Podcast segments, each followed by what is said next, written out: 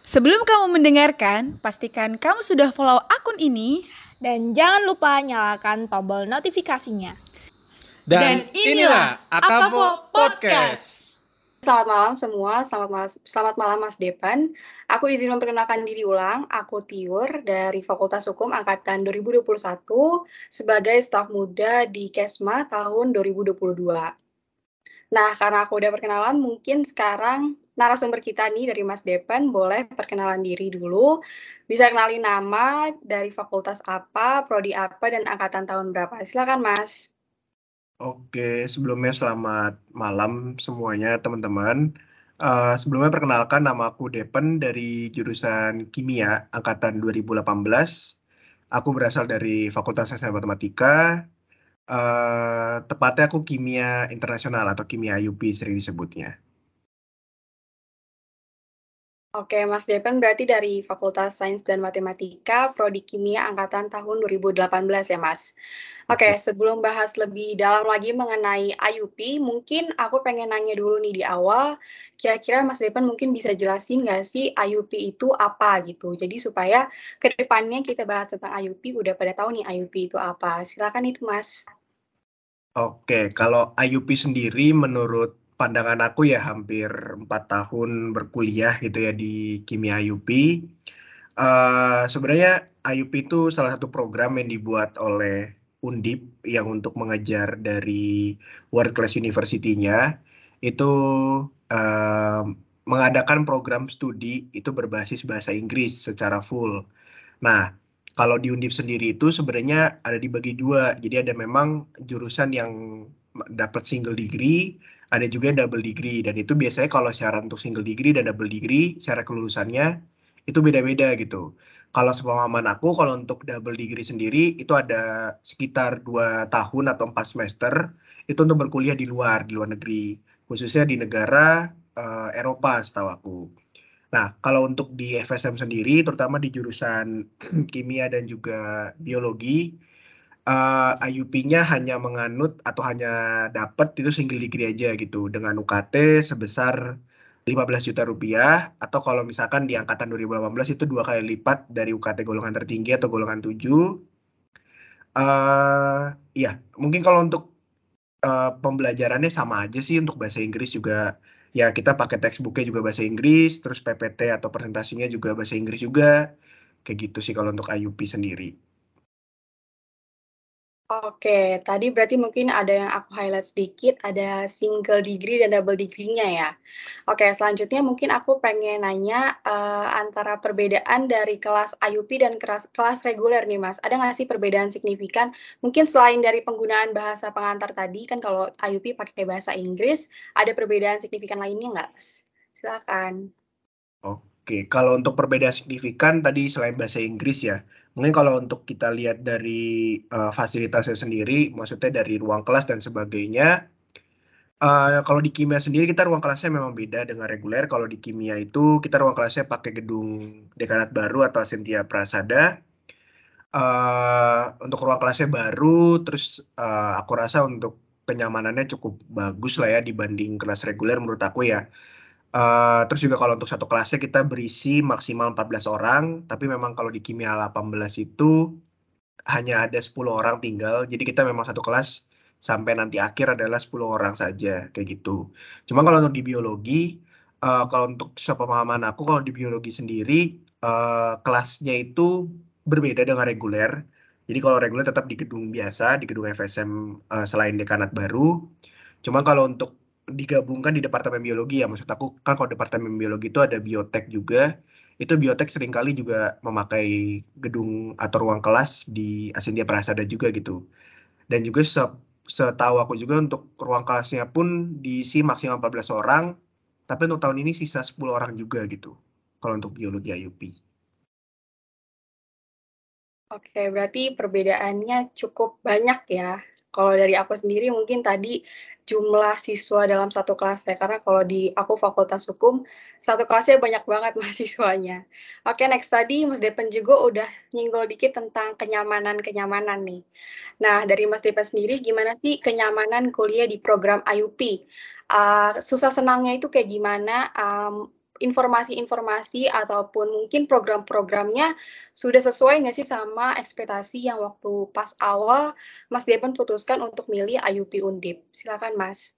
Iya, uh, kalau untuk menurut aku kalau nyaman atau nggak nyaman kayak kalau standar kenyamanan beda-beda ya. Tapi kalau menurut aku so far so good sih istilahnya, uh, kalau dari anak-anak kimia IUP terutama karena kita juga sering ngobrol, uh, cukup nyaman juga sih sebenarnya nggak terlalu, uh, nggak terlalu nggak nyaman banget lah istilahnya.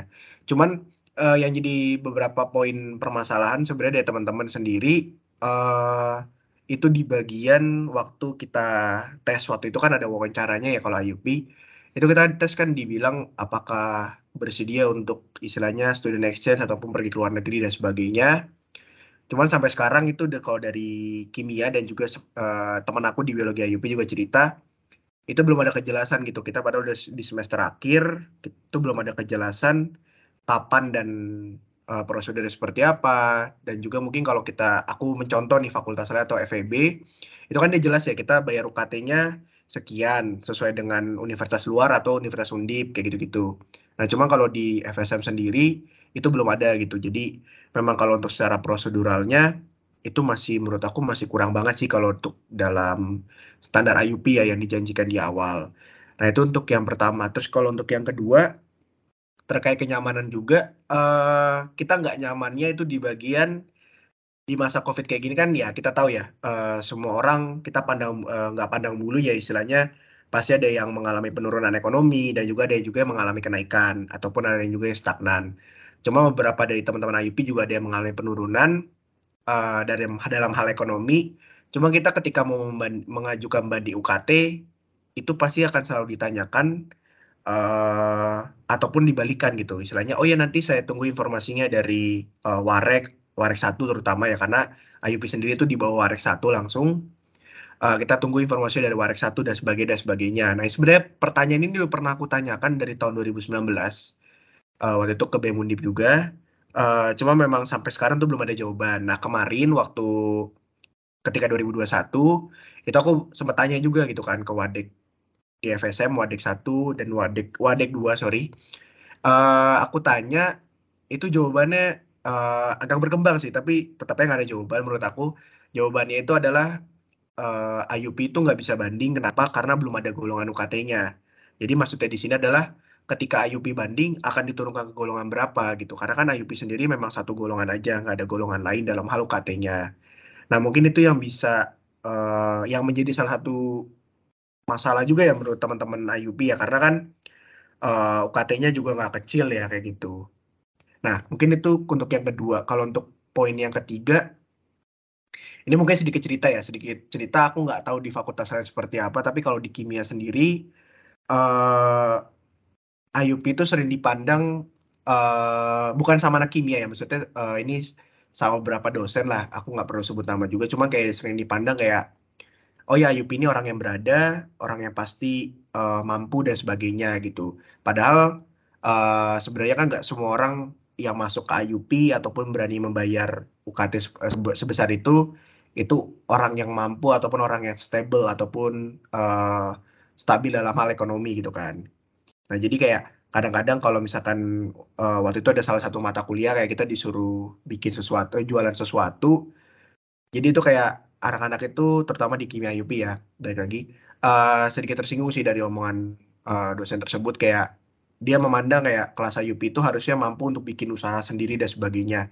Nah padahal kan uh, semua orang di IUP itu punya uang gitu kan kayak gitu. Karena ada juga beberapa orang tua yang memang ya udah yang penting kita uh, anaknya sekolah sebagus mungkin nanti diusahakan gimana pun cara membayarnya yang yang terpenting yang terbaik buat anaknya gitu kan dalam hal pendidikan gitu. Nah itu sebenarnya uh, stigma-stigma yang sering didapat anak IUP kayak anak IUP itu punya grup sendiri, punya uh, apa namanya punya uang banyak dan sebagainya gitu. Padahal kalau jujur aku lihat dari anak kimia juga dan juga anak biologi juga ya karena aku juga berteman sama anak biologi IUP ya kita bermain sama semua orang gitu nggak hanya anak yang IUP aja tapi kita juga bermain sama anak reguler bahkan ya istilahnya kita nggak pandang bulu lah untuk bermain kayak gitu cuman ya stigma itu tetap melekat sih gitu terutama mungkin di beberapa orang orang dewasa gitu ataupun orang dosen dan sebagainya.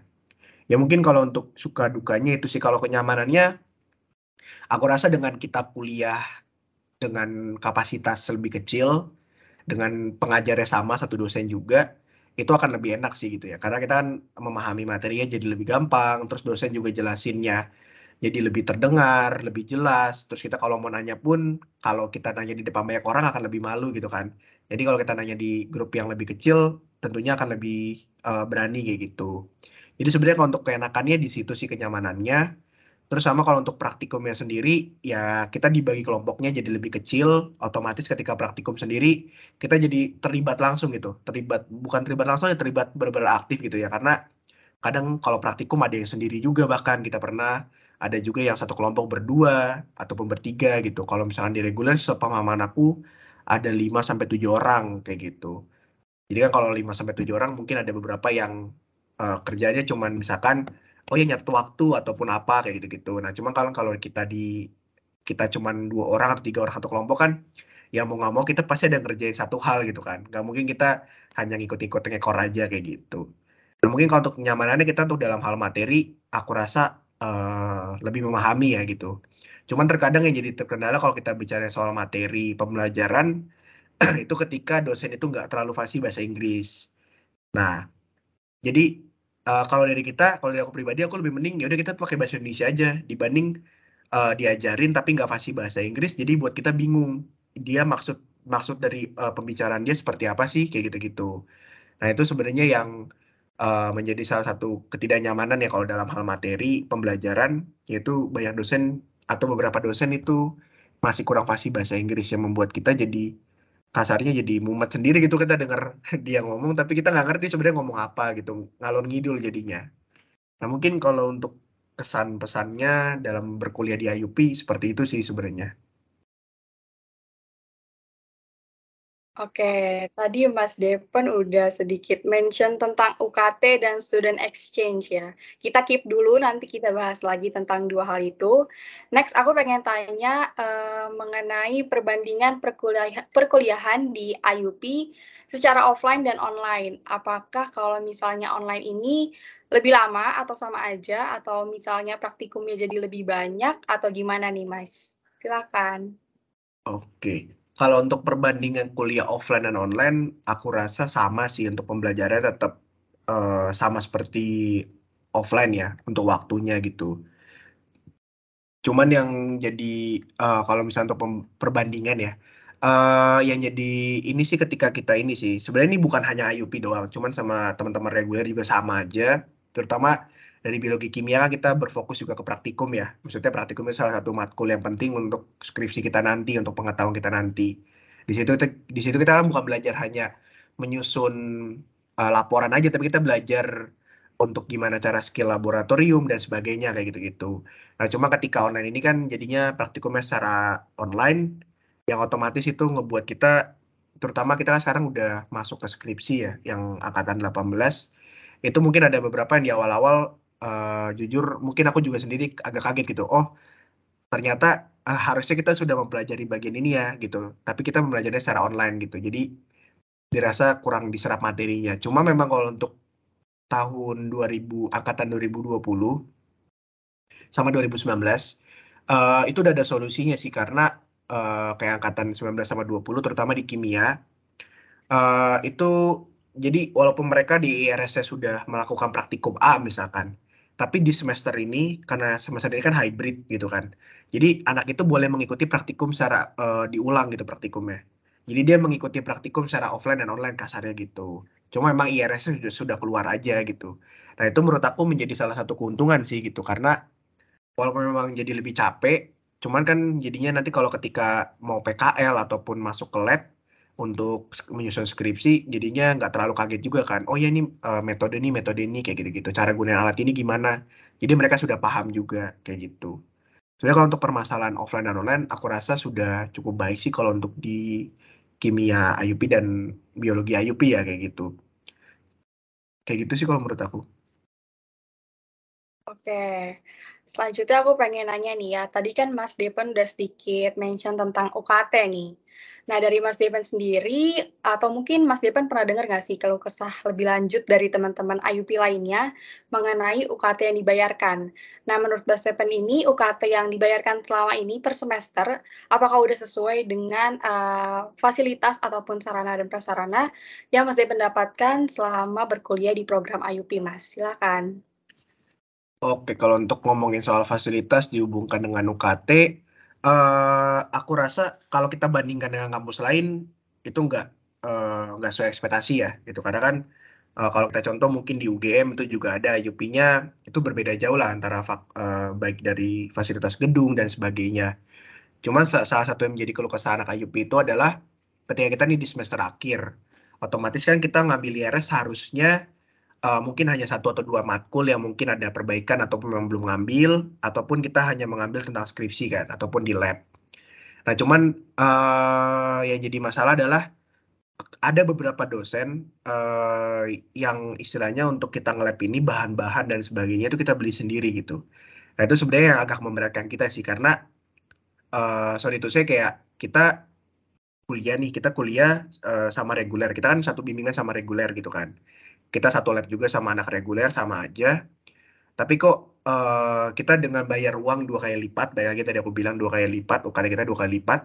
Tapi uh, kita tetap membayar ya untuk masalah dari bahan labnya ataupun kita beli alat-alat lab dan sebagainya.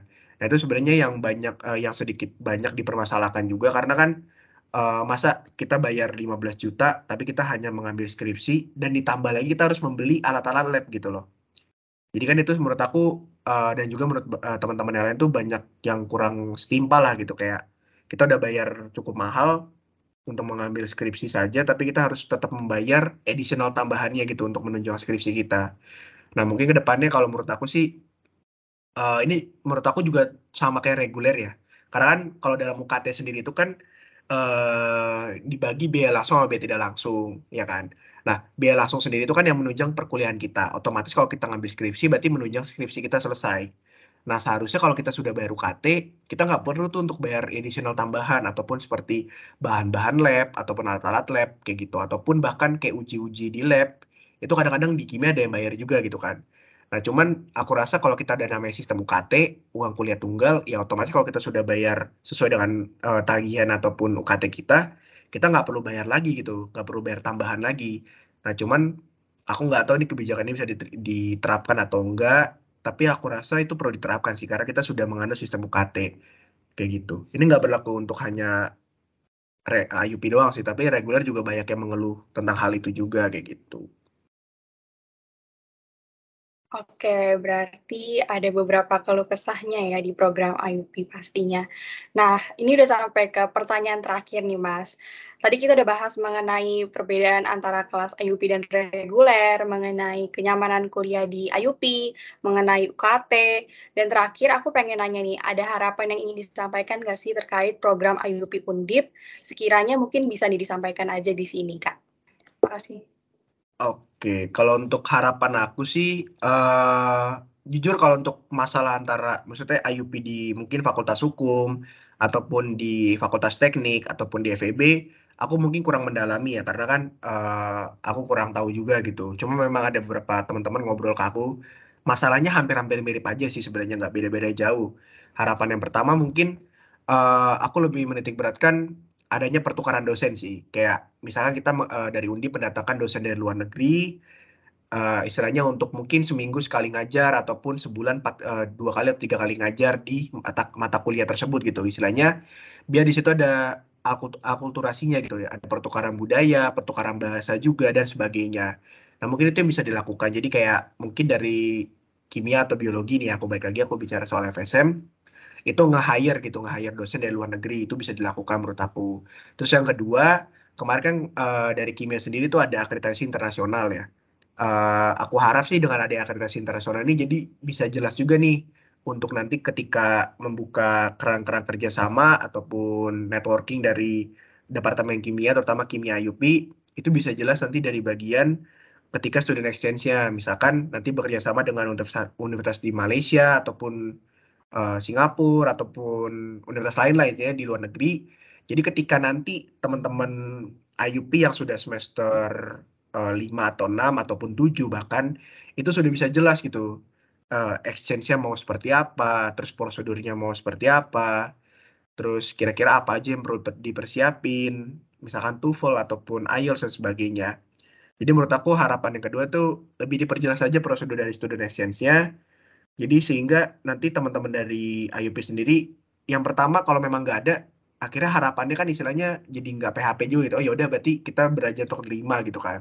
Cuma kalau misalkan digantungin kan kita jadi kayak mikir, uh, ini jadi atau enggak ya? Kan kalau misalnya kita ke luar negeri sendiri, untuk pribadi kita aja kita harus persiapan, baik dari mental, baik dari ekonomi juga, mungkin juga baju-baju dan sebagainya gitu kan. Istilahnya ada persiapan tersendiri lah, selain persiapan dalam hal administrasi akademik gitu. Nah jadi lebih diperjelas saja soal uh, prosedurnya. Terus yang ketiga, ini harapan yang mungkin bisa direalisasikan sih menurut aku ya, karena uh, ini udah dari tahun awal-awal IUP di FSM ada gitu ya. Uh, yang tadi aku bilang harapannya sih nanti IUP sendiri ada bisa golongan bandingnya sih. Jadi uh, nggak menutup kemungkinan anak-anak IUP kan juga uh, pengen banding juga gitu kan, punya punya kesulitan dalam hal ekonomi. Ya aku harap jadi nanti uh, dari Pawarek itu bisa nerbitin gitu istilahnya kalau IUP banding itu bandingnya ke ke berapa ya nominalnya ataupun ke golongan berapa ya kayak gitu-gitu. Tapi memang untuk syarat-syaratnya mungkin nanti bisa disesuaikan dengan banding reguler juga kayak gitu menurut aku.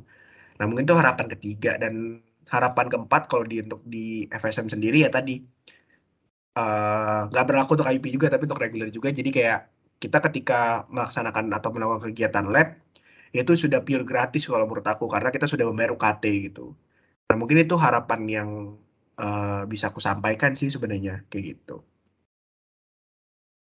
Oke, semoga harapan-harapan dan bincang-bincang tadi yang udah disampaikan dari Mas Depen bisa disampaikan ya lewat bincang-bincang kali ini didengarkan oleh pihak kampus, tapi bukan juga di, bukan hanya didengarkan aja, tapi juga direalisasikan.